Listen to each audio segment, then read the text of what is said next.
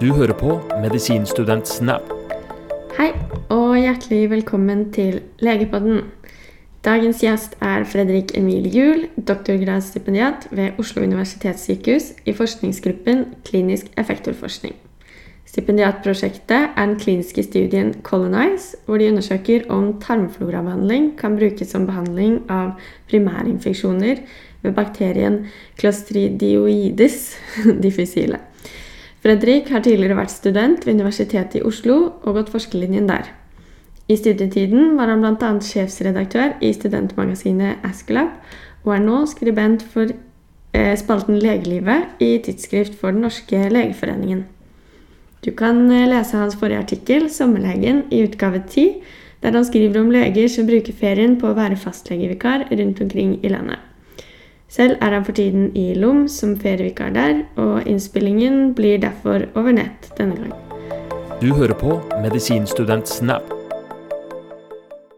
Neimen, bra. Ja, så du er i Lom, altså? Jeg koser meg i Lom, ja. Og der er du som eh, ferievikar? Ja. Nå er jeg i ferd med å avslutte tre uker som, som ferievikar her, og så gikk jeg en uke i fjella før det, så nå har jeg vært her i snart fire uker. Men har du på en måte da ferie fra din egentlige jobb, eller hvordan er det, og hva er det du egentlig jobber med til vanlig? Kan ikke du fortelle lytterne litt om det? Ja, eh, sånn Jeg bruker da ferien min fra jobben i, jobbene i Oslo. Eh, til vanlig så er jeg stipendiat og forsker ved eh, Rikshospitalet i Oslo i en forskningsgruppe som heter klinisk effektforskning. Og så har jeg en bistilling som lektor ved Universitetet i Oslo, eh, hvor jeg eh, underviser i faget klok, som bl.a. er sånn kunnskapshåndtering og eh, kvalitetsarbeid. Jeg hører du, du ler litt. Rann. Ja. Dette er et kjent fag for de i, i Oslo. Det, det er i ferd med å bli innført i det er favorittfaget Ja. til alle i Oslo. det, det, det som er ironisk der, da, nå merker jeg jeg går rett i forsvarsposisjon med en gang, men det som er ironisk, er at det, det faget er faktisk noe av det som eh, Jeg snakker med veldig mange tidligere medstudenter eh, som jeg hadde, og som jeg var borti liksom opp og ned på kull. Og så å si alle sier at de, de ser så utrolig mye mer verdien av det faget etter at de kommer ut og møter pasienter og, og er del av den kliniske hverdagen, kan du si. da. Eh, For da er det nettopp kvalitetsforbedring og det med Nå merker jeg jo selv at det, det begynner å bli et par år siden jeg gikk ut av, av studiet, og man glemmer kunnskap fort, og kun, kunnskap endrer seg hele tiden. Så det å kunne oppdatere seg på det og, øh, og forbedre prosedyrer, det er, eh, det er helt sentralt, altså. Eh, følte jeg det starter med litt sånn der Ja, nei, men jeg er jo egentlig Ja, ja. Jeg er jo egentlig veldig for det faget. Altså sånn, Jeg er helt enig at det er jo et utrolig viktig fag å på en måte å faktisk lære hvordan man kan gjøre endringer. da. Og det var jo ganske inspirerende å se at ok, det er ikke bare gitt at ting er på, arrangert på best mulig måte på en arbeidsplass når du kommer ut dit. Mest sannsynlig så er det jo ganske mange ting som kan forbedres. Og problemet er vel bare at folk ikke har tid, eller ja, vet at det går an å gjøre endringer. Så det er jeg veldig glad for at vi lærte. At det skal ikke så mye til hvis man bare får med seg et lite team, og så ja, går gjennom hva som kan endres, og ja, lager en plan for det. da. Vi, vi kan, jeg vet ikke om vi skal si to ord om hva faget er litt mer konkret for de som ikke er på Universitetet i Ja. Oslo eller ikke har hatt eh, kommet så langt. Det tror jeg vi bør. Ja. Klok, det står jo for noe. Um, kvalitet Nei, kunnskap. Kunnskapshåndtering, ledelse og kvalitetsforbedring. Så det, den ledelsesbiten har ikke jeg så mye med, men det er jo ledelse, og, og man vil jo fungere som leder på flere måter, bl.a. for sykepleier eh, for sykepleiere og andre helsepersonell i akuttmottaket. Eh, kunnskapshåndtering, kvalitetsforbedring, det er jeg litt mer involvert i å undervise. Eh, for å ta, ta det med kunnskapshåndtering, da, så er jo det kort og godt hvordan man finner eh, den mest oppdaterte kunnskapen, og det også kunne kritisk vurdere det. da. Så at hvis det kommer en ny forskningsartikkel, er, så skal man kunne si noe om er dette god forskning eller er det ikke så god forskning.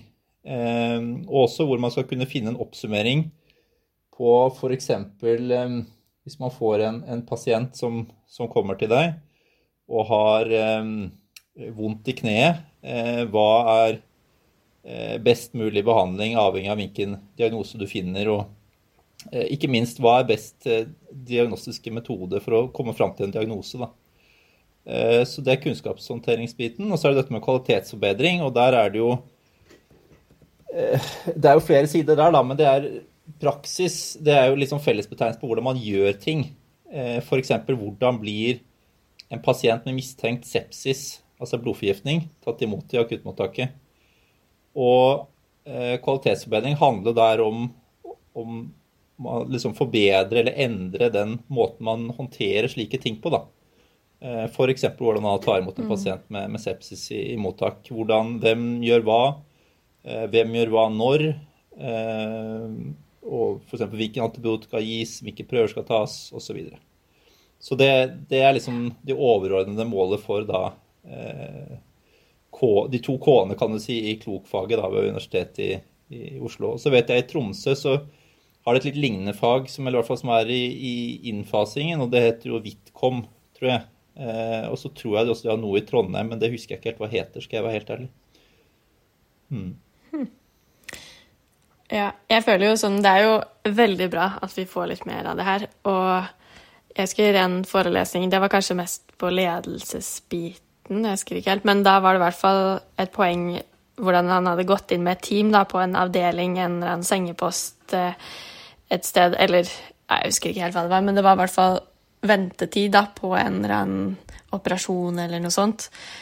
Og så hadde de klart å Ved å egentlig bare endre på forskjellige prosedyrer og rutiner og liksom bedre samarbeid og sånt, og forkorte den ventetiden helt enormt, da. Og liksom fikk mye bedre pasientflyt og kunne hjelpe mange flere. Mm. Uten at det kostet mye mer, på en måte. Så mm. ja.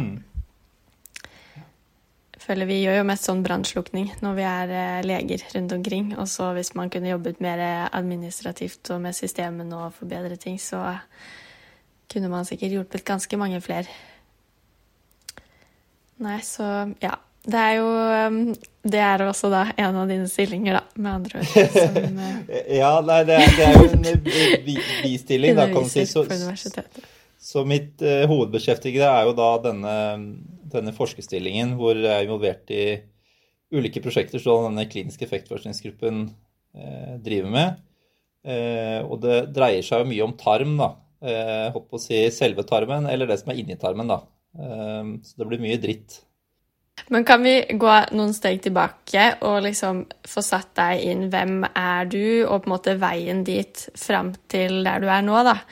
Hvis vi tar det sånn kronologisk med først eh, hvor har du studert, og ja, hvorfor valgte du å begynne på medisin, f.eks.? Eh, ja, det er ta det helt grunnleggende på å si. da. Mann på 33 år fra Oslo. Eh, studerte også i Oslo. Eh, Starta der 20.1.2009. Det var samme dag som Barack Obama ble innsatt som president, husker jeg.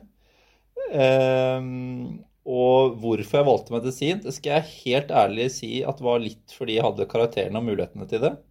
Eh, sannsynligvis også fordi jeg hadde noen familiemedlemmer som jeg så veldig opp til, som var eh, leger. Eh, var litt sånn etter to uker når vi skulle ta sprøyter, så fant jeg at ja, jeg har jo sprøyteskrekk som bare det, så hva i huleste gjør jeg her? Eh, men siden det så har jeg egentlig aldri snudd meg tilbake. altså Bare syns det har vært helt fantastisk eh, spennende eh, på ulike måter. Og så tok jeg forskerlinjen, eller startet på forskerlinjen i 2012. Eh, den var også på tarmkreft. Da litt mer med sånn biokjemisk eh, perspektiv. Altså hvordan eh, fettsyre og sånn påvirker kreftcelleutvikling, eller om du påvirker det. Var ferdig da som student med forskerlinje i januar 2016 og gikk rett ut i turnus i Hamar, da, i Innlandet. Eh, var der et år. Da jobbet jeg også litt, eller hadde jobbet fra før på Sanderud psykiatriske, som ligger jo litt utenfor Hamar.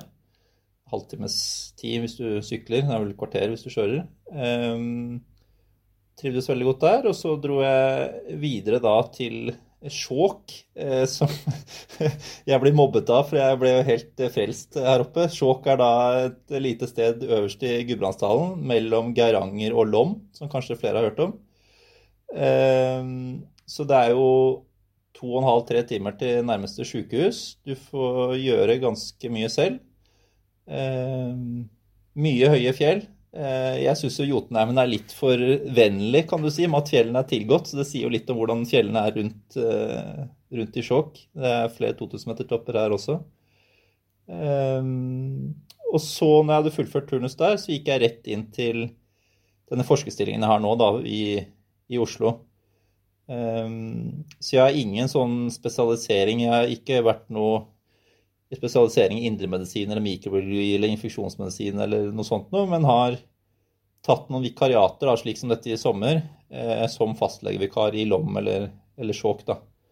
Um, og det er rett og slett ja, og du har jo faktisk tatt turnus, da. Det er jo mange forskere som ja, bare går rett inn i forskningen, men uh, Ja, veldig godt, veld, veld, veldig godt poeng, altså. På Hamar, sa du. Syns du det var bra å ha turnus der? Ja, jeg trivdes veldig godt der, altså.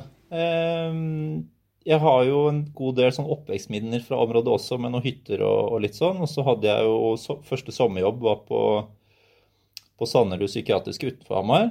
Og så var jeg så heldig å få en sommerjobb på kreftenheten på Hamar sykehus. Eh, før jeg uteksaminerte. Så da fikk jeg jo liksom følt litt på hvordan det var på sykehuset. Det, det er jo et litt gammelt sykehus, det skal ikke legge skjul på det. Ehm, men trivdes veldig godt. Det skal vel bli noe nytt etter hvert? Ja, det er vel tenkt at det skal bli noe med Moelv midt mellom alt sammen. Så ja. det... Men hvordan er det i størrelse? Da Er det sånn at du står alene på nattevakt der, eller er det alltid flere, ja, en listo eller bakvakt? Slik det var når jeg var der i 2017, eller 2016-2017, så det er jo nå fem år siden ca så var det typisk at eh, når vi hadde vakter, så var vi mye eh, Sto liksom i akuttmottaket. Én eh, altså medisin og én kirurgisk turnuslege. Tidligere så var det noe utveksling med at man hadde deler av kirurgisk på Elverum. Det har ikke jeg hatt, så jeg var på Hamar hele tiden.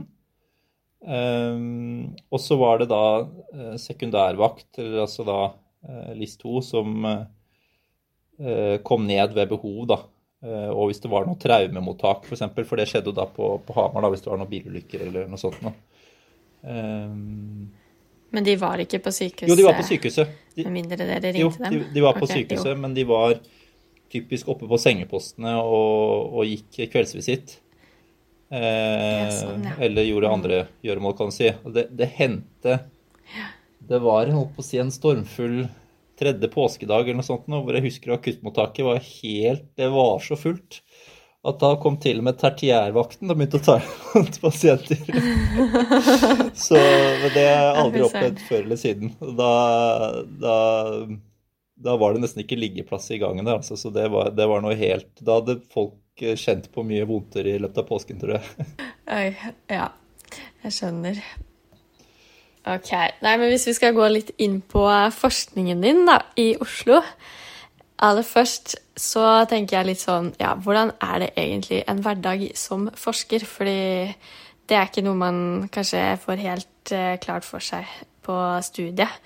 Ehm, det eneste jeg kan tenke meg, er at dere ikke trenger å ha så mye nattevakt og jobbing på julaften og sånne ting. Men igjen, jeg vet ikke. Hvis dere har noen sånne prosjekter, må inn og sjekke noe levende bakterier klokka da og da, eller eh, ja, det umiddelbare svaret på akkurat det siste der, er liksom at jeg mener å huske at jeg sendte noen e-post og telefoner og sånn andre juledag med en av veilederne mine. Så det, det var jobbing rundt i romjulen også, altså.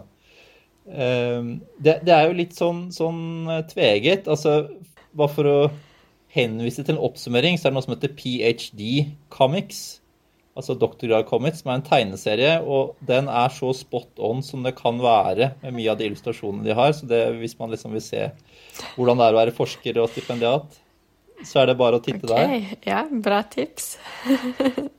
den er veldig ja, realistisk. for det er, det, det er blant annet en som um, en, en, tegneserie hvor han det, på det ene bildet står at uh, jeg er stipendiat, jeg kan jobbe når jeg vil, uh, til og med på søndager. Og så står det bildet ved siden av ulempen. Du jobber på søndager. Så, så, det er på en måte både godt og vondt at det er veldig fleksibelt. Det er veldig variert. Det er kanskje den floskelen som alle leger sier om sin spesialitet, om det så er forskning eller om det er et fagspesialitet. Men det er eh, Det kommer litt an på hva slags type forskning man gjør, da. Jeg driver først og fremst sånn såkalt klinisk forskning, som randomiserte studier og sånn. Det kan vi kanskje komme litt tilbake til mer konkret.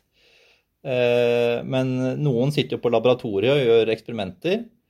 Eller man da gjør klinisk, som jeg driver med, hvor jeg da møter pasienter og har samtaler eller undersøkelser, eller da gir dem behandling, som i mitt tilfelle som regel er at jeg gir dem avføring.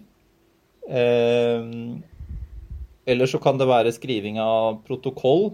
Protokoll er rett og slett bare en oppskrift på hvordan studien skal være, og at man på forhånd har bestemt hva man skal måle, når man skal måle det, eh, hvem er pasientene. Eh, og det er ganske mye regler og eh, ikke regler i forstand av lovverk nødvendigvis, men regler i forstand av at dette bør være på plass hvis du f.eks. vil ha det inn i store tidsskrift som New England Journal of Medicine. Da. Fordi det, det på en måte bekrefter at du har gjort ting riktig og ikke jukset eh, eller tuklet med dataen underveis. da. Um, og så det, det være, må det være søknadsskriving til tider, om du søker om midler til egen lønn. Det er jo litt sånn eh, paradoksalt, i hvert fall for stipendiater og de som er ganske nye forskere, så er det en del av, jobben. Um, og så er det jo litt reising og eh, konferanser kan være, i hvert fall før. Nå er det jo heldigvis, vil jeg si, en del som er blitt digitalt der. Har du kollegaer, og er det på en måte et sosialt miljø eh, mellom ja, forskerne? Ja, både sånn på tvers av forskningsmiljøet, altså innen prosjektene. Det er jo ett av prosjektene som, som er involvert i, som ledes av sykehuset i Harstad. Eh, eller Universitetssykehuset Nord-Norge, da, men de sitter i Harstad, noen av de som er med og leder den studien. Og der er det jo mye eh, sosial kommunikasjon med den via Zoom holdt jeg på å si, da, og telefon og, og, sånn. Og der har jeg jo vært på besøk utenfor jobb også. Eh, farta rundt på, i, i, fjellene på, på Senja og, og, og, rundt Harstad. Eh, men det var kanskje ikke den sosiale biten du tenkte på? jo, jo, men jeg liksom Ja, man kan jo se for seg bare at man sitter alene på en lab helt for seg selv, men eh, som du sier, du har litt mer klinisk forskning og får snakka både med pasienter og kollegaer og ja. Det høres jo veldig hyggelig ut. Men det her med økonomi, det, er sånn, det skremmer meg litt til å, hvis jeg skulle gått inn i forskerverden. Som du sier, at man har på en måte litt ansvar selv for å eh, ja, få støtte og drifte prosjektet økonomisk. Um, er det på en måte en stor bekymring og liksom et hele tiden sånt press da, på å få inn penger? ja, altså det, det, er jo litt forskjellige aspekter med det med økonomi. Én ting er jo som, som, mange mener og påpeker, og som jo er en realitet, det er at forskere generelt tjener jo dårligere enn det som er i arbeidet klinisk. Eh, altså med pasienter i vanlig behandling. Og det, det merka jeg for egen del også, at jeg gikk ganske betraktelig ned i lønn, lønn når jeg gikk fra fra turnusstillingen eh, med en del vakter og sånn i tillegg der, og da til, til forskerstillingen. Eh, det er ikke noe som plager meg, kan du si. Men jeg vet at noen tar det, eller vektlegger det ganske mye. Og det er selvfølgelig hvis man har, en, har hatt en overlegestilling i en god stund med god lønn og kone og barn og bil og hytte, så er det jo en del løpende utgifter som skal, skal dekkes der. Ja. Så, så, det er jo en fordel med å, å starte forskningen tidlig, da. det er sant. Men du har liksom en fast lønn, eller har det noe å si på en måte, Oi, du fikk inn kjempemye penger fordi du hadde en god søknad på et eller annet, og da får du høyere lønn? Eller er det liksom satt en lønn, og så er det mer sånn dere får mer penger til utstyr og til Ja, jeg vet ikke hva det er som tar mest penger. Ja, altså det er kanskje, for, eh, kanskje eh, Altså det, det med søknader og sånn, det er jo på en måte for å få midler til prosjektene.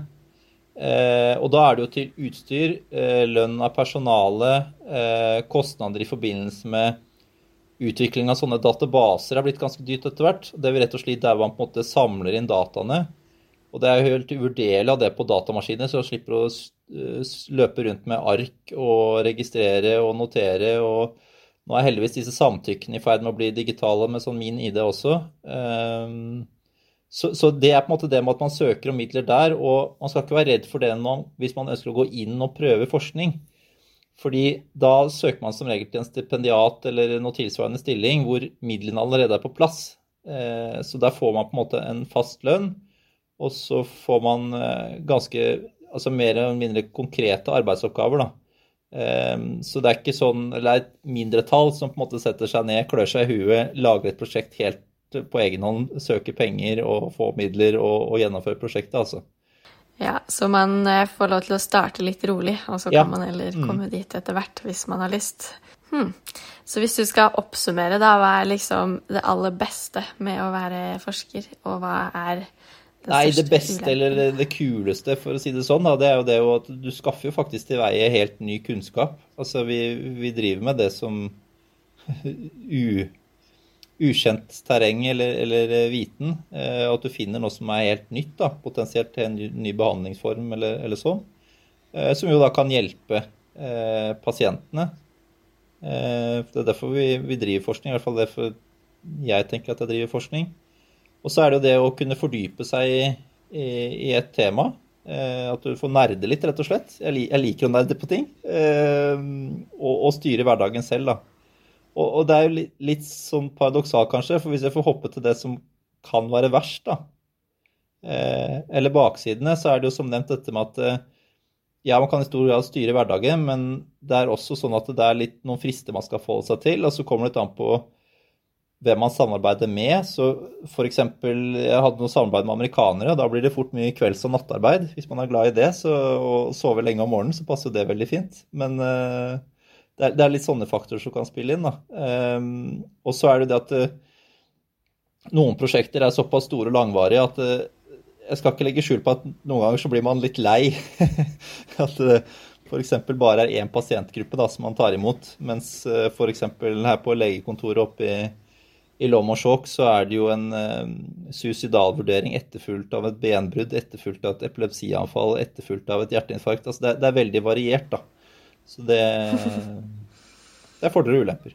Men kan vi ikke gå litt inn på da, disse studiene som du Så du står i hvert fall oppført som leder for de i Oslo. da. Det ene sa du var styrt egentlig fra Harstad. Den ene studien som heter Refit, eller Refit 2 for å være helt presis, den ledes fra Harstad der. Ja. Og så var det Mm. dette Colonize-studiet. Ja, denne Colonize-studien det er jo da en studie hvor vi ønsker å undersøke om såkalt fekal mikrobiotatransplantasjon kan brukes ved clostridioides difficile, det var det som tidligere het clostridium difficile, eh, istedenfor antibiotika. Det har bytta navn, ja. Det er vel tre år siden nå, tror jeg. Og, Det er det folk kaller for sånn CDIF. Eller, ja. CDIF blir jo for- at clostridioides istedenfor clostridium blir jo CDIF fremdeles. Så det tok de faktisk hensyn til ved navnebyttet, for da, da slapp de å kaste masse utstyr, fordi de kunne beholde de hvor forkortelsen var eh, den samme. Så da, ja, det er bra. det er jo da en sånn såkalt randomisert studie, hvor da med en loddtrekning blir trekt deltakerne eh, med da en sånn clostridioides difficile eh, tarminfeksjon, og kommer litt tilbake til hva, hva det er, eh, blir da trukket til enten å få antibiotikabehandling, som er på en måte standardbehandlingen i dag, eh, eller da altså få sånn såkalt fekal mikrobrototransplantasjon. som rett og slett vil si at vi, vi gir avføring eh, inn i endetarmen som et klyster én gang.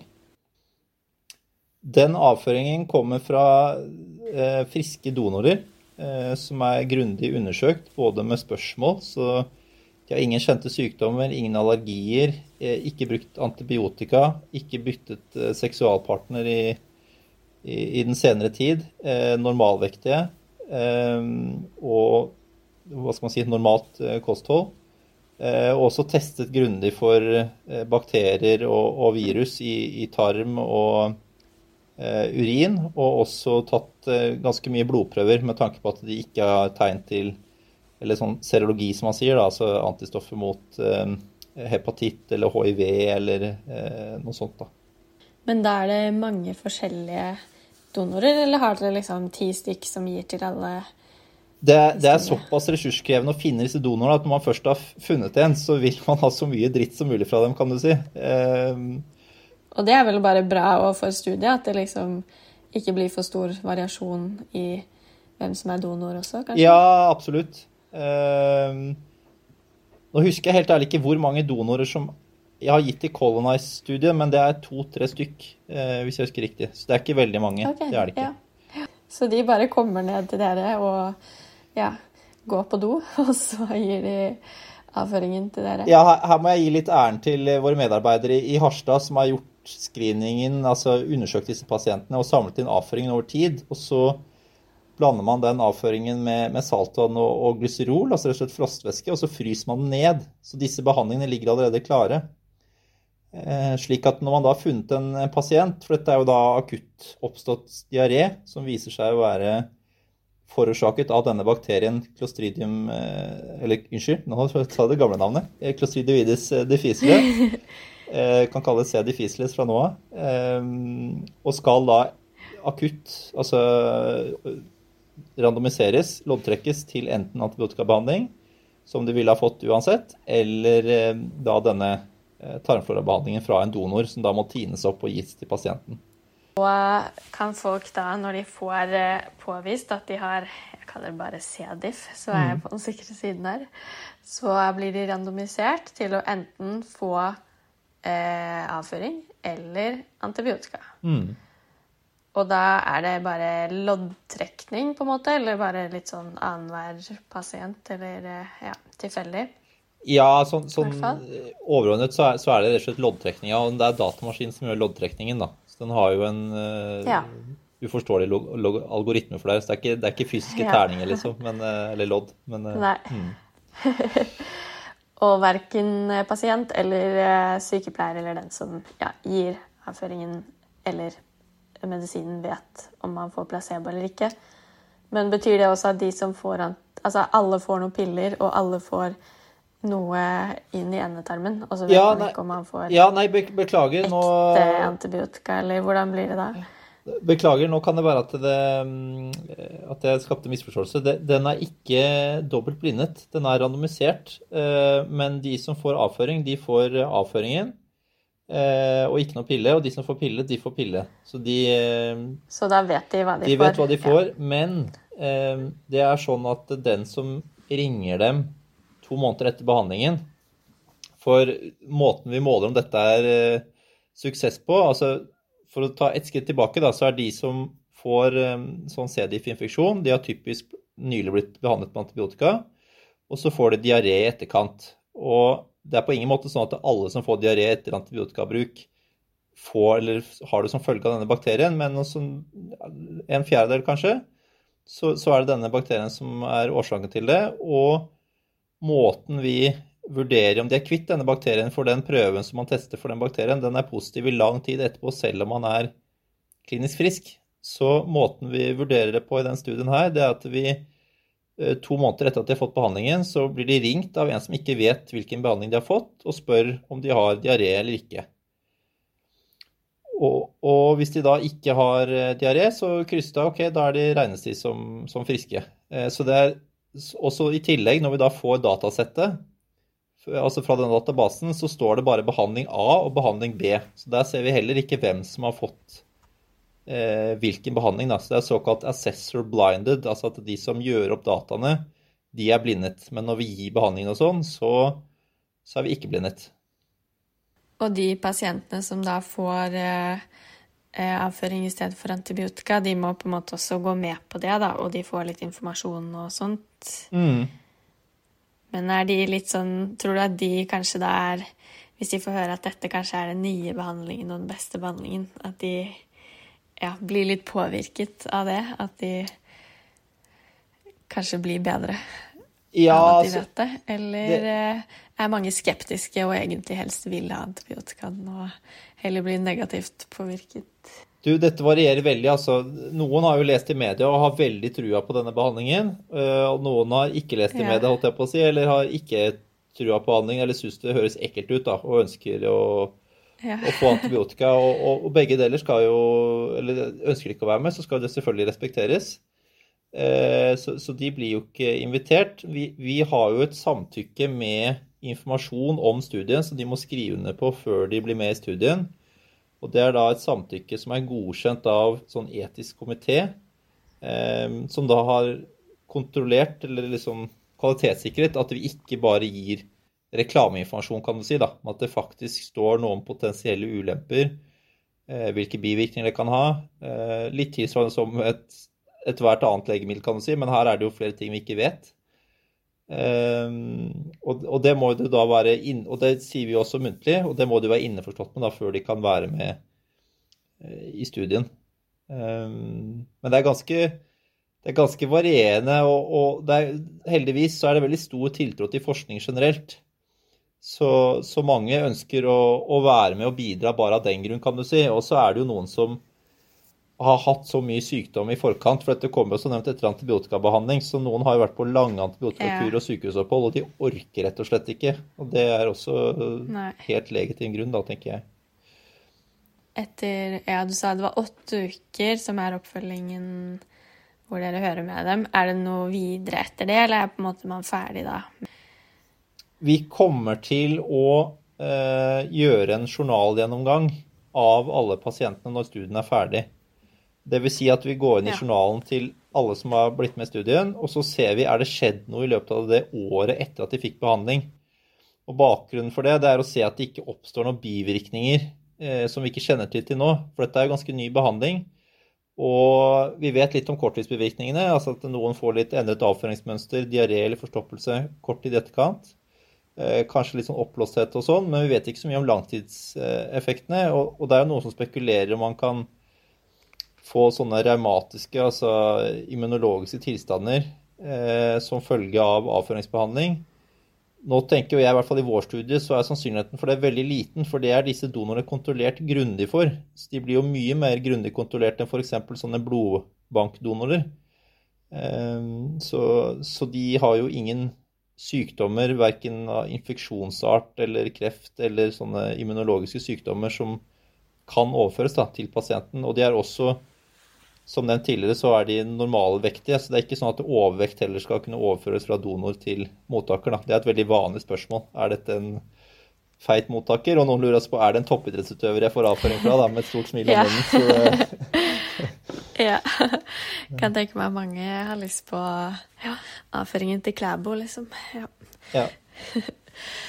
Men eh, så OK, ja, så da vet dere ikke så mye om de negative bivirkningene enda, men jeg tenker på Er det ikke egentlig allerede i dag på en måte greit å prøve med en sånn avføringstransplantasjon hvis man flere ganger ikke har respondert på antibiotika?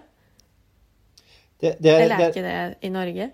Jo, det er et, et, et veldig godt poeng. Eh, denne bakterien, den er såkalt Det er en eh, gram-positiv stabakterie, for å ta det, det mikrobiologiske, eh, som også er sporedannende. Så den er ganske vanskelig å bli kvitt. Det som er interessant, da, det er at eh, vel halvparten av småbarn nå vet jeg ikke hvilken alder som er tatt med der, men vel halvparten av småbarn har denne bakterien i tarmen uten å være plaget av det.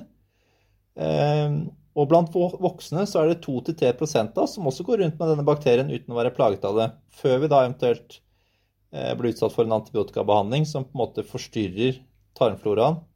Hva det vil si at den blir forstyrret, det vet vi ikke. Dette er på en måte eh, hypotesen. Eh, for vi vet jo at antibiotika påvirker tarmbakteriene. Slik at da denne C. diff-bakterien får overtak og begynner å produsere et giftstoff, en såkalt enterotoksin, så er det type A, og B-del og, litt sånne tekniske ting som ikke jeg kan så mye om, skal jeg bare innrømme. Men det, resultatet er for at uh, pasienten får diaré, som de ofte får på toppen av mye annet fordi de gjerne står på antibiotikabehandling for f.eks. En, en lungeinfeksjon. Uh, dette kan man behandle med antibiotika ganske effektivt, men ca. hver femte av de som har hatt én infeksjon, de får en infeksjon igjen. Og hvis man først har fått én infeksjon, så er det over 50% sjanse for at man får en tredje infeksjon, og så har man det eh, gående. Hvis man da ikke gir dem eh, avføring. Eh, for der var det faktisk en studie i New England Journal of Medicine. Jeg merker at jeg ikke refererer til noen andre tidsskrift enn det. Men det, det jeg leser alt, men det, det, er i hvert fall det er publisert en del om, om denne type forskning der. Eh, og der hadde de da forsøkt å gi pasientene avføring, sammenlignet det med antibiotika. Og med antibiotika så var det 30% som ikke fikk eh, tilbakefall. Mens med avføring så var det 80% som ikke fikk tilbakefall med én avføringsbehandling, og 90, nesten 94% med flere avføringsbehandlinger. Og, og, og, det er sjelden du ser så Altså her snakker vi 50% forskjell i eh, behandlingssuksess eh, av to forskjellige behandlinger. Så det, det er ganske unikt, altså. Um, men det, det, vi, det, vi, liksom lurte på, da, hvorfor vente til de har fått flere ja, infeksjoner? Hvorfor ikke bare gi det med en gang? Ja, ok, så forskjellen er at tidligere så har det vært gjort studier på de som allerede har prøvd antibiotika. Mm. Men det har ikke vært prøvd med noen som får avføring med en gang, da, som ikke har vært gjennom forsøk med antibiotikabehandling fra før av. Det, det, det, stemmer. Det er kun to, i hvert fall meg bekjent, så er det to små studier som har undersøkt dette her. Den ene var det min veileder, stipendiat, eh, som var med å starte. Det er bare på 20 pasienter eh, som er publisert. Den er også i New England. Eh, Journal of Medicine. Og så er det en liten meksikansk studie som hadde 13 eller 14 deltakere, tror jeg. Begge disse er publisert i 2017-2018. Eh, men ja. det, er de, det, er de, eneste studiene. Mens nå i denne Colony-studien som vi pågår nå, så ønsker vi jo egentlig å ha 188 deltakere. Da, så det er et helt annet eh, antall pasienter. Men da vet man jo kanskje litt om eventuelle negative bivirkninger fra den studien. Eh, Altså at selv om der hadde de jo prøvd antibiotika fra før av, da. Men mm. hvis de fulgte dem opp også over tid, så har man kanskje sett om det var noen dramatiske negative bivirkninger. Ja, det, det, det er et godt poeng, det. altså. Og, og, ting begynner Eller det er mye, mer og mer som tyder på at dette er trygg behandling hvis man gjør en grundig undersøkelse av disse donorene. Det var jo et eksempel her i 2019 eller 2018, i hvert fall noen år siden, i USA hvor to pasienter døde etter denne behandlingen. De, ikke, de donorene var ikke undersøkt for eh, multiresistente bakterier. Konkret så var det vel ESBL, for form for tarmbakterier med eh, mye, mye, resistens, som de fikk overført. Og dette var da svært immunsøkte pasienter fra før av som, som, gjorde at det ble blodforgiftning og, eh, og, døde av det, rett og slett. da. Men, eh, men, det er som du sier, det begynner å bli en god del eh, eh, begynner å bli litt mer kunnskap i hvert fall, om at, man, at det er en trygg behandling også på lang sikt. Men først og fremst så er det på, på kort sikt vi har kunnskapen til nå. da.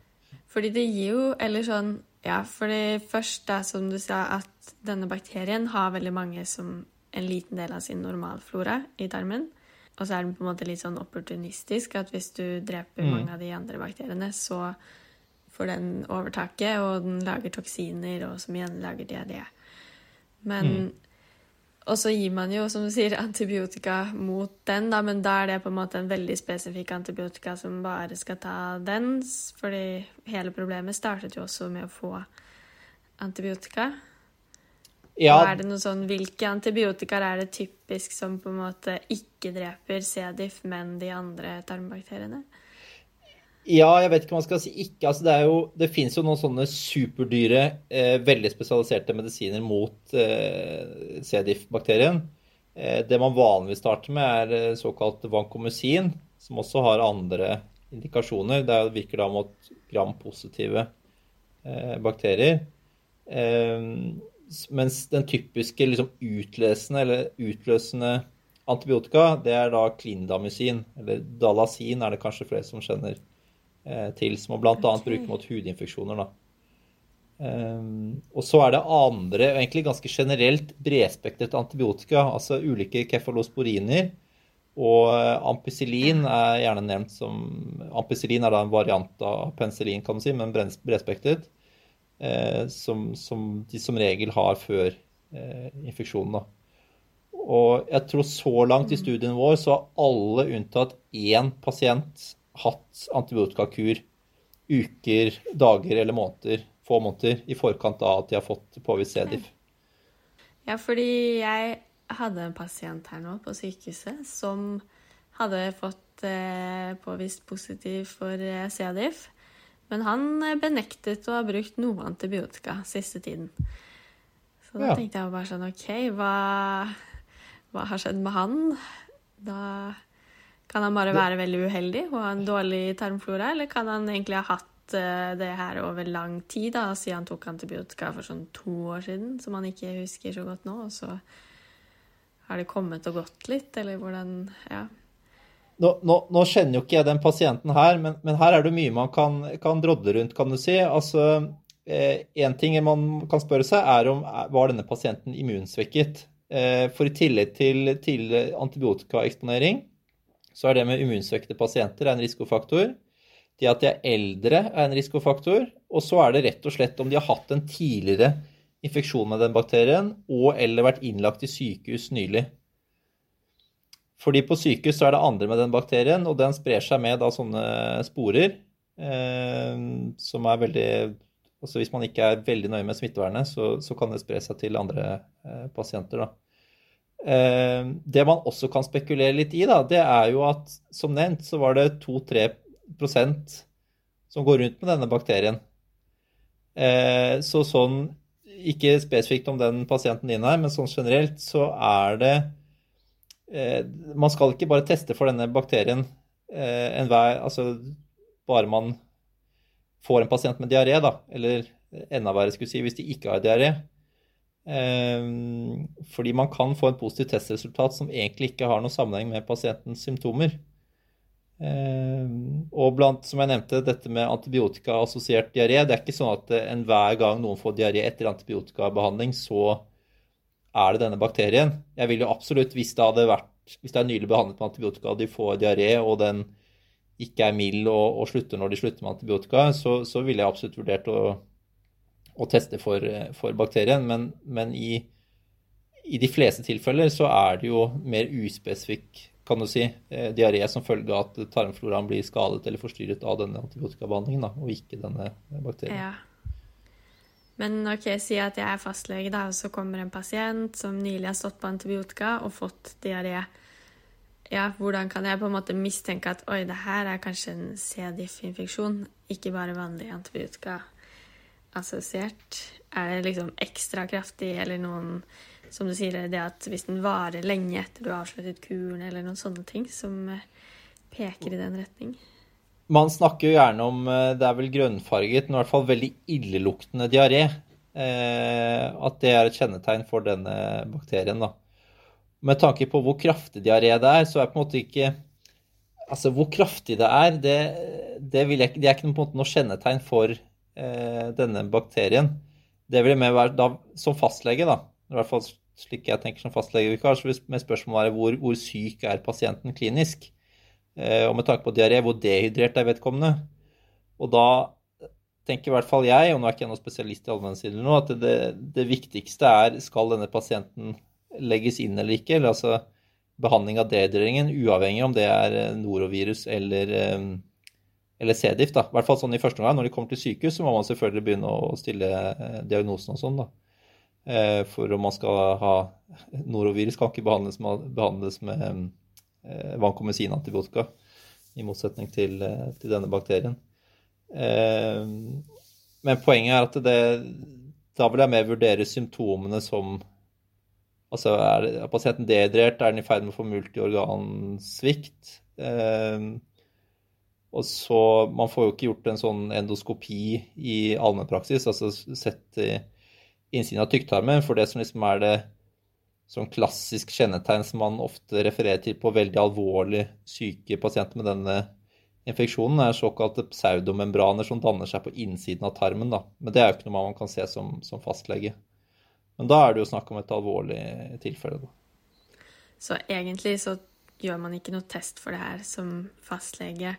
Du sender heller inn noen på sykehuset hvis de er såpass dårlige, og så får de heller der finne ut om det kan være det? Ja, og hvis selvfølgelig, hvis det er langvarig diaré, så kan man jo ha det på en av de testene man tar. Eh, og så, hvis den da er positiv, så kan man prøve å behandle det og se om det eh, bedrer pasientens diaré. Problemet der er jo det at man ser jo ikke, siden vi ikke har noen test for om man er kurert Altså denne testen er positiv også etter at eh, pasienter ikke har, lenger har diaré, eh, og dermed er friske fra, fra infeksjonen. Så vi har på en måte ikke noe friskmeldingstest, da, hvis du skjønner. Men tror du nå, hvis studien deres går veldig bra, da, og pasientene som får tarmbakterier, blir fortere friske enn de med antibiotika, eller også at flere blir friske og ikke får det igjen, kommer retningslinjene da til å endre seg, og at vi kan gå rett over på å gi tarmbakterier, tror du? Får jeg lov til å spille, si at da er vi inne på kunnskapsvurderingsdelen? Ja. Er studien deres stor og bra nok for det? Vi, vi, vi mener vi har gjort en beregning, kunne, altså et, en beregning på antallet deltakere vi trenger for å kunne hva skal man si, statistisk si sikkert at de resultatene vi har, er sanne. Og så vil jo jeg selvfølgelig som en av de ansvarlige for studien eh, si at den er eh, vel gjennomført osv. Akkurat når ting blir kommet inn på retningslinjene til f.eks. Folkeinstituttet og sånn, det står jo Det er mange faktorer der som står helt utenfor min makt. Og generelt så er det sjelden at retningslinjer blir endret på enkeltstudier alene. Det kommer selvfølgelig an på hvor gode, eventuelt middelmådige resultatene er. Ehm, men det kan jo kanskje si, i starten bli sånn at man For nå er det jo faktisk anbefalt at man fra bl.a. Folkeinstituttet Det var et spørsmål du spilte tidligere her. At det, det, er faktisk anbefalt fra norske myndigheter at man kan helsemyndigheter at man kan eh, forsøke med fekal mikrobiotratransplantasjon, altså slik avføringsbehandling, ved tilbakevendende infeksjoner. Og det kan jo være at man kan komme til en slik at man liksom ikke sier at man, er, at man skal gi det fremfor antibiotika med første gang, men kanskje man kan komme til en, en anbefaling om at uh, pasienten kan tilbys om de vil ha avføringsbehandling eller uh, antibiotikabehandling. Da. For det er jo et generelt mål å redusere antibiotikabruken, så det er jo en av fordelene ved å da uh, gi avføringsbehandling i stedet. Sant. Det hadde jo vært helt fantastisk hvis man ja, slapp å gi antibiotika og hvis det viser seg at det ikke er noen negative bivirkninger, eh, bare kan få avføring fra en frisk donor og bli frisk, så høres jo det veldig bra ut. Jeg, jeg pleier å si det sånn, jeg, for å gi en liten overgang til den andre studien, så, så står det jo Nå har vi dessverre lukket, lukket for inklusjon i den andre studien som heter REFI2, som er på irritabel tarm, men der står det jo noen tusen i kø som gjerne skulle vært med i studien. Så, så de som Jeg skal på ingen måte si at de som får se det første gang, er heldige. Eh, men det er noen av de med irritabel tarm som eh, eh kanskje skulle vært med, eller skulle ønske de var med i den eh, Colna-studien, som ikke er kommet med i Refit2-studien. Ja, kanskje vi kan snakke litt om eh, Refit 2-studien. Du nevnte irritabel tarm. Mm. Er det da en studie hvor ja, pasienter med irritabel tarm får Er det samme type, at det er via endetarmen med et klister? Friske donorer og det, ja. det stemmer. Men der var det kanskje dobbeltblindet, da. At der kan man gi placebo til noen. Det stemmer. Så i denne REFI2-studien så er det da eh, pasienter med irritabel tarm. Vi kan jo si litt mer om det etterpå, kanskje. Men eh, de blir da randomisert til enten å få avføring fra en, en frisk donor eller at de får placebo, som da rett og slett er deres egen avføring. Eh, men den er laget og forberedt på helt lik måte, og så er det en eh, jeg vil si, vanvittig logistikkmølle til å få de til å levere avføring og til å lage behandlinger av det, og få en ekstern person til å da eh, merke om disse behandlingene, slik at vi som gir behandlingene, ikke vet hva som blir gitt. Eh, og at det skjer riktig, at det ikke blir noe feil. For det står jo ikke noe navn på disse behandlingene. ikke sant? Det står jo bare et uh, avidentifisert nummer. Um, og at, um, at det er randomisert, altså at det er loddtrukket uh, riktig og sånn. Det, det, det, er, det er mye, gått mye tid til det det siste, da, når du lurer på hva jeg drev med mest nå for tiden. Um, ja. Så det er jo den Refi 2-studien i, i, korte trekk, da. Og jeg, du har rett, jeg står jo som en av, av lederne i studien og er jo tett på der, men eh, jeg vil bare ikke si, stjele æren fra, fra, særlig en som heter Peter Johnsen ved Harstad sykehus, som har vært med å initiere, og, og Rasmus Gold, hans tidligere veileder, som har vært med å initiere og er det masterminds bak denne studien her, da. Så bare så det er sagt. Kult. Og ja, vi kan jo si kort hva irritabel tarmsyndrom er, kanskje, for de som ikke vet det. Mm. Eh, irritabel tarmsyndrom det er jo en såkalt funksjonell mage-tarm-lidelse. Vil si at vi i hvert fall per i dag ikke finner noe ved diagnostiske tester eller ved sånn endoskopisk undersøkelse, altså hvor man ser på innsiden av tarmen. Så man har satt opp noen kriterier hvor man da, hvis man ikke finner noen annen årsak, f.eks. at de har inflammatorisk tarmsykdom, altså de som er morbus Crohn eller ulcerøs kolitt, at man ikke finner noen sånn årsak, men at da denne pasienten har smerter i magen minst én gang i uken over tid, Eh, og i tillegg at disse smertene er forbundet med at de er på do, altså at de får mer eller mindre smerter når de er på do. Eh, at det blir endring i avføringskonsistens, f.eks. at de får smerter når avføringen blir veldig hard, altså at de blir forstoppet. Eh, eller at de må oftere på do i forbindelse med disse smertene. Og det er på en måte noen kriterier man bare har en sånn faglig komité har kommet konsensus fram til enighet om at dette er på en måte kriteriene for å ha eh, irritabel tarm. Da. Og, og så mm. har man ulike skåringssystemer for å liksom vurdere alvorligheten av dette her. Og i studien vår så er det de med moderat og alvorlig irritabel tarm som, som vi har med i, i, studien. Da.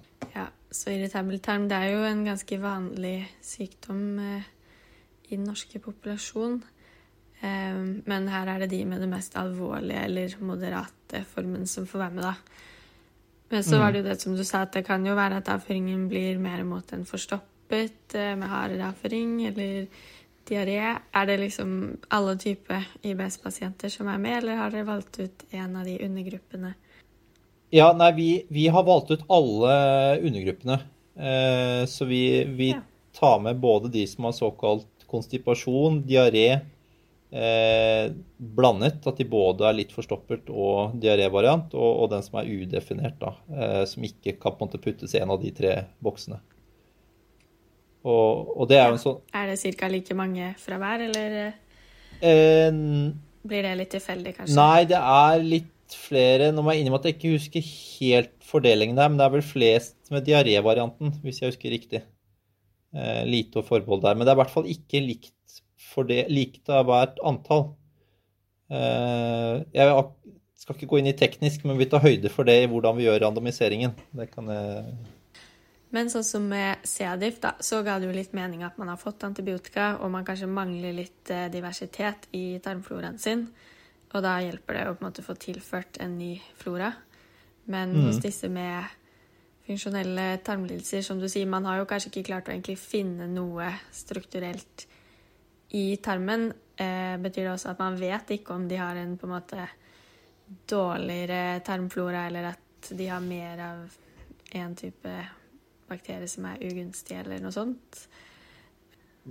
Man ser noen mønstre. Eh, og så er det jo det er jo usikkert hva som er årsak og virkning her, men man ser at de med irritabel tarm de har en, en annen sammensetning i tarmfloraen. Eh, altså for å ta en, en, sammenligning med en skog, da, at en skog er tarmfloraen vår, så ser man at uh, de med irritabel tarm har f.eks. flere flere løvtrær, eller færre løvtrær enn de med ikke uh, irritabel tarm.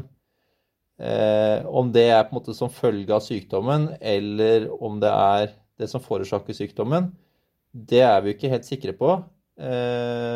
Men det gir jo mening, i hvert fall syns jeg, da, Eh, og, flere andre, at eh, symptomer som kommer fra tarmen, hvor det er såpass mye eh, bakterier og virus og andre mikrober, at det er en sammenheng der, da, og at det i så fall vil kunne gi mening å gi avføringsbehandling. Vi ser jo at det blir endringer også etter antibiotika, altså endringer i tarmfloraen etter antibiotikabehandling for hva som helst, holdt jeg på å si. Så det, Eh, det er jo tydelig at vi kan påvirke eh, hva som er inni tarmen. da.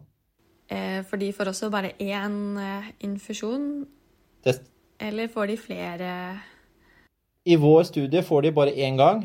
Og, det er et helt betimelig spørsmål om skulle de fått flere. Men i første omgang må vi se om de har effekt av én behandling. Hvis vi da ser at for disse pasientene skal følges opp ganske tett, egentlig, ved spørreskjemaer i ett år etter at de har fått behandlingen, slik at hvis vi ser at de har god effekt de første tre månedene f.eks., men at så at det avtar etter ett år, så kan det tyde på at de må ha en påfyllsbehandling eh, etter en tid. Da. Men først må vi se om det, er, om det er effekt av én behandling før vi kan begynne å For det, er ganske mye ressurser og sånn som går med til, til, bare dette her, da, organisering osv. Og, så og en ting jeg lurer på med den C-diffen også når man, Fordi du sa dere gir det som klister. Klarer på en måte de bakteriene å komme seg da hele veien For det kan vel være hele tykktarmen som er påvirket? Det kommer seg liksom helt til uh, søkum? Ja, ja det, er, eh, det, er, et veldig godt spørsmål, for det har vi jo ikke nevnt noe om. At det, det fins jo flere måter å gi denne behandlingen på. Man kan jo enten gi den øvre vei, kan du si, altså via et gastroskop eller en sånn eh, nasojunal eh, sonde. Eh, eller man kan gi den nedre vei ved et klister, som vi gjør, eller ved da eh, koloskop.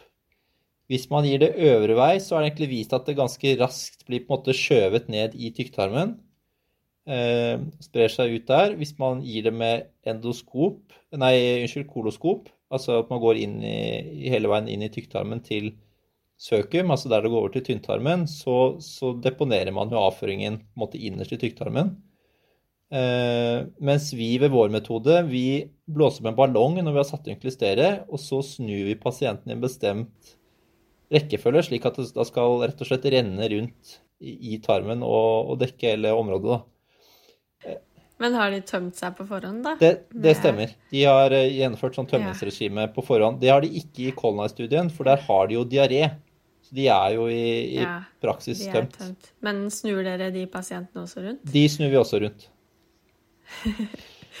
ok. Skal de også ha noe sånn lopramid eller et eller annet som gjør at de ikke på en måte bare tømmer det ut igjen med en gang? Eller uh, pleier det å ha så rask effekt at diareen liksom stopper?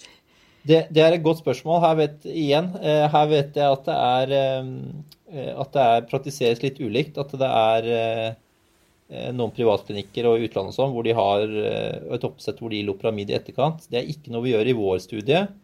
Jeg har verken noe grunnlag for å si at det burde man gi eller ikke burde gi.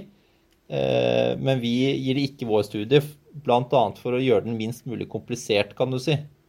Eh, for det fins jo bevirkninger bivirkninger av ethvert medikament, og hvis vi hadde lagt til Operamid i etterkant, så kunne jo det hatt noen negative følger også. Så. Ja, sånn sett, ja. Og koloskopi, og at det ville krevd mer ressurser enn å bare gi et klister.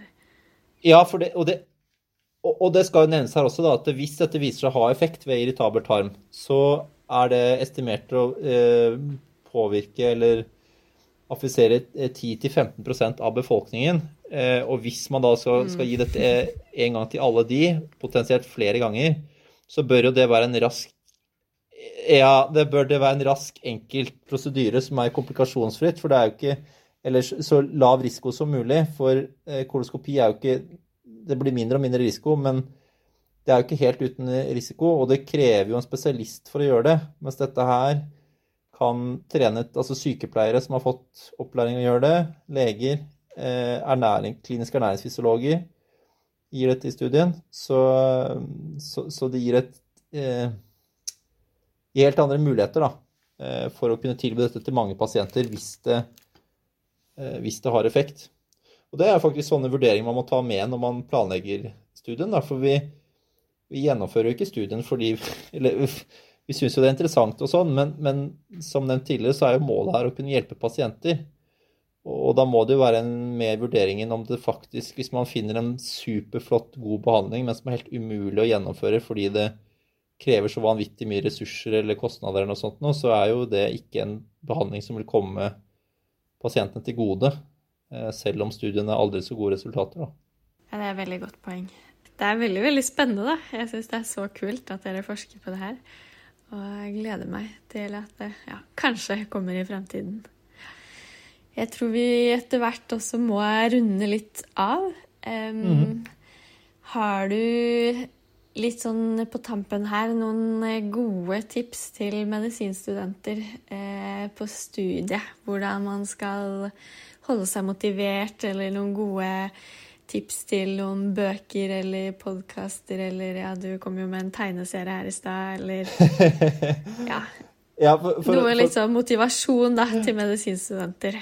For, for, å ta det med tegneserier videre, da, så um, husker jeg på slutten av studiet at jeg så på noe som jeg trodde het Medic Comics. Jeg må innrømme jeg prøvde å, å finne det før den, denne podkasten her, eller opptaket, for jeg mistenkte at det spørsmålet dukket opp. Men det er i hvert fall en tegneserie hvor det er sånne enkeltbilder av diagnoser. Mm -hmm.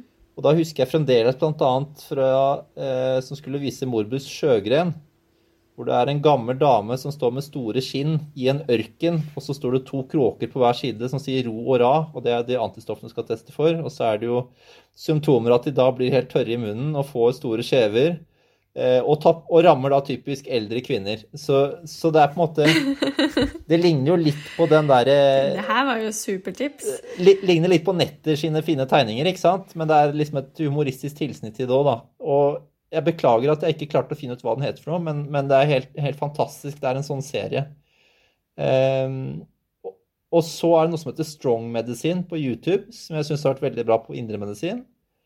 Uh, og så er det jo Khan Academy, som jeg syns også er mye, mye, bra, i hvert fall for repetisjonsdel. Der er det litt sånn at det er noen steder så det, kan det snike seg noen småfeil og sånn, så der må man være rett og slett litt kildekritisk. Og så helt avslutningsvis, da, så eh, Jeg tenker jo kanskje som så at de fleste studenter studerer nok eller ganske mye allerede. Eh, så jeg tenker kanskje det viktigste egentlig synes, eller som jeg opplevde som, som veldig givende da, og motiverende, det var rett og slett det å inngå i kollokviegrupper. At man ikke sitter alene, men, men samarbeider og diskuterer og, og man avslører eller får ofte testet egen kunnskap også hvis man skal forklare noe for andre i en kollokvie, typisk og ha noen fritidsaktiviteter og bli med i en, studentforening hvis man ikke er det allerede, altså. Ehm, så det er vel kanskje det jeg mm. tenker om det første du spurte om, hva man Så liksom tips. Her kom det jo mye bra. Og jeg er jo 100 enig om at uh, kollokvie, det, det, er så viktig. Både at det er hyggelig, og at det er veldig, veldig lærerikt en måte veldig mye lettere å holde fokus når man har noen andre som sitter rundt deg, og du prater, i stedet for å bare sitte og lese en bok og sovner. Eh, vi har jo til slutt litt sånn faste spørsmål, da, som også er bare Hvis du ikke hadde vært forsker, er det en annen spesialitet du kunne tenke deg å drive med? Ja, det ville jo fort vært noe indremedisinsk, så kanskje infeksjonsmedisin eller gastroenterologi, da. Eh, mm. Eller fastlege, kanskje. Det trives jeg bedre og bedre ja. med. altså. Det er utrolig, igjen, variert for alt mulig rart.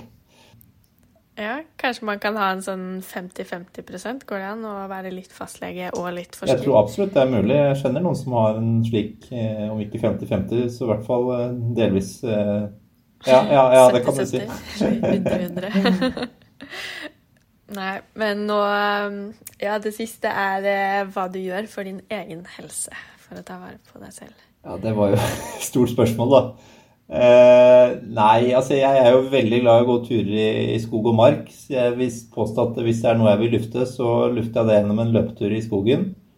Eh, så det er jo kanskje for egen helse, mhm. ikke minst det fysiske der sånn. Og så det å, å være sosial, også uten å bli sånn veldig filosofisk, så hender det hvis jeg syns det er en litt tung dag, så hender jeg liksom ramser opp på sengen hva er det jeg har fått til i løpet av dagen i dag. Og det kan være helt banale ting som uh, I dag fikk jeg gjort den, den, den klesvasken eller henta det på postkontoret. Det, det høres ja, Nå merker jeg at jeg blir nesten litt flau hvor banalt det høres ut, men uh, tro meg, det funker. Jeg, jeg blir i bedre humør av det, altså. Så da kommer jeg til å fortsette med det. Og det, det, er jo litt parallelt til det med studenter òg, tenker jeg. At hvis man syns at man ikke kan noen ting eller ikke skjønner noen ting, eller noe sånt, så, så tenk litt sånn nøkternt på hva har du faktisk lest, eller hva kan du faktisk som er helt basalt, kan du si. Altså at eh, f.eks. virale lungebetennelser skal ikke behandles med antibiotika. Og, og, man finner ofte en del ting hvis man eh, leter og lærer seg å tenke så enkelt og positivt, da, kan du si. Mm. Ja, Det var litt deilig å høre, ja. At man kan rose seg selv litt for de små tingene. Og ehm, ja, nå fisker jeg jo litt, da, men er ikke, det er ikke noe du gjør for helsen din angående tarm og tarmflora, siden du forsker så mye på det og ja, det, det. jobber med det? Eller er det litt sånn at du har funnet ut at ja, normalt er det beste? Ja, altså her nå er, nå er, ikke jeg spesialist i liksom den delen, kan du si. Jeg er mer involvert i å, planlegge og gjennomføre disse studiene. Eh, mitt ut ifra det jeg vet om de studiene som er publisert og sånn, så er det ikke noe sånn kost, superkostprodukt eller noe sånt noe, annet enn da avføring, selvfølgelig. Det finnes ikke i pilleformat til vanlig salg nå, i hvert fall. Kanskje ikke anbefaler nei, folk nei, det, nei. Så, så er egentlig det å spise variert. Det er jo til og med vist at de som er toppidrettsutøvere, har en tarmflora som er nærmere de på sykehjem enn de som spiser et variert vanlig kosthold, for de spiser jo mye raske karbohydrater og sånn. Om det eh, er sykdomsfremkallende eller ikke, det, det, vet man jo ikke sikkert. Men, eh, så det er ikke bare det å si, trene hardt som eh, nødvendigvis er bra for, for tarmfloraen. da. Eh, så spis variert. Følg, følg, eh, følg helsemyndighetenes råd, tenker jeg. Enkelt og greit. Det høres bra ut. Nei, men da må jeg bare si tusen, tusen takk for at du ble med på podkasten. Det var skikkelig spennende å ha deg som gjest. Vi inviterer deg gjerne igjen senere og har lyst til å høre hvordan det går med resultatene og forskningen. Og så må du ha god sommerferie videre. Og ja, takk for at du tok deg tiden. Takk for nå. Vi er Medisinstudentsnap. Følg oss på Instagram. Der har vi quiz hver dag og mye annen medisinsk moro. Ha det bra!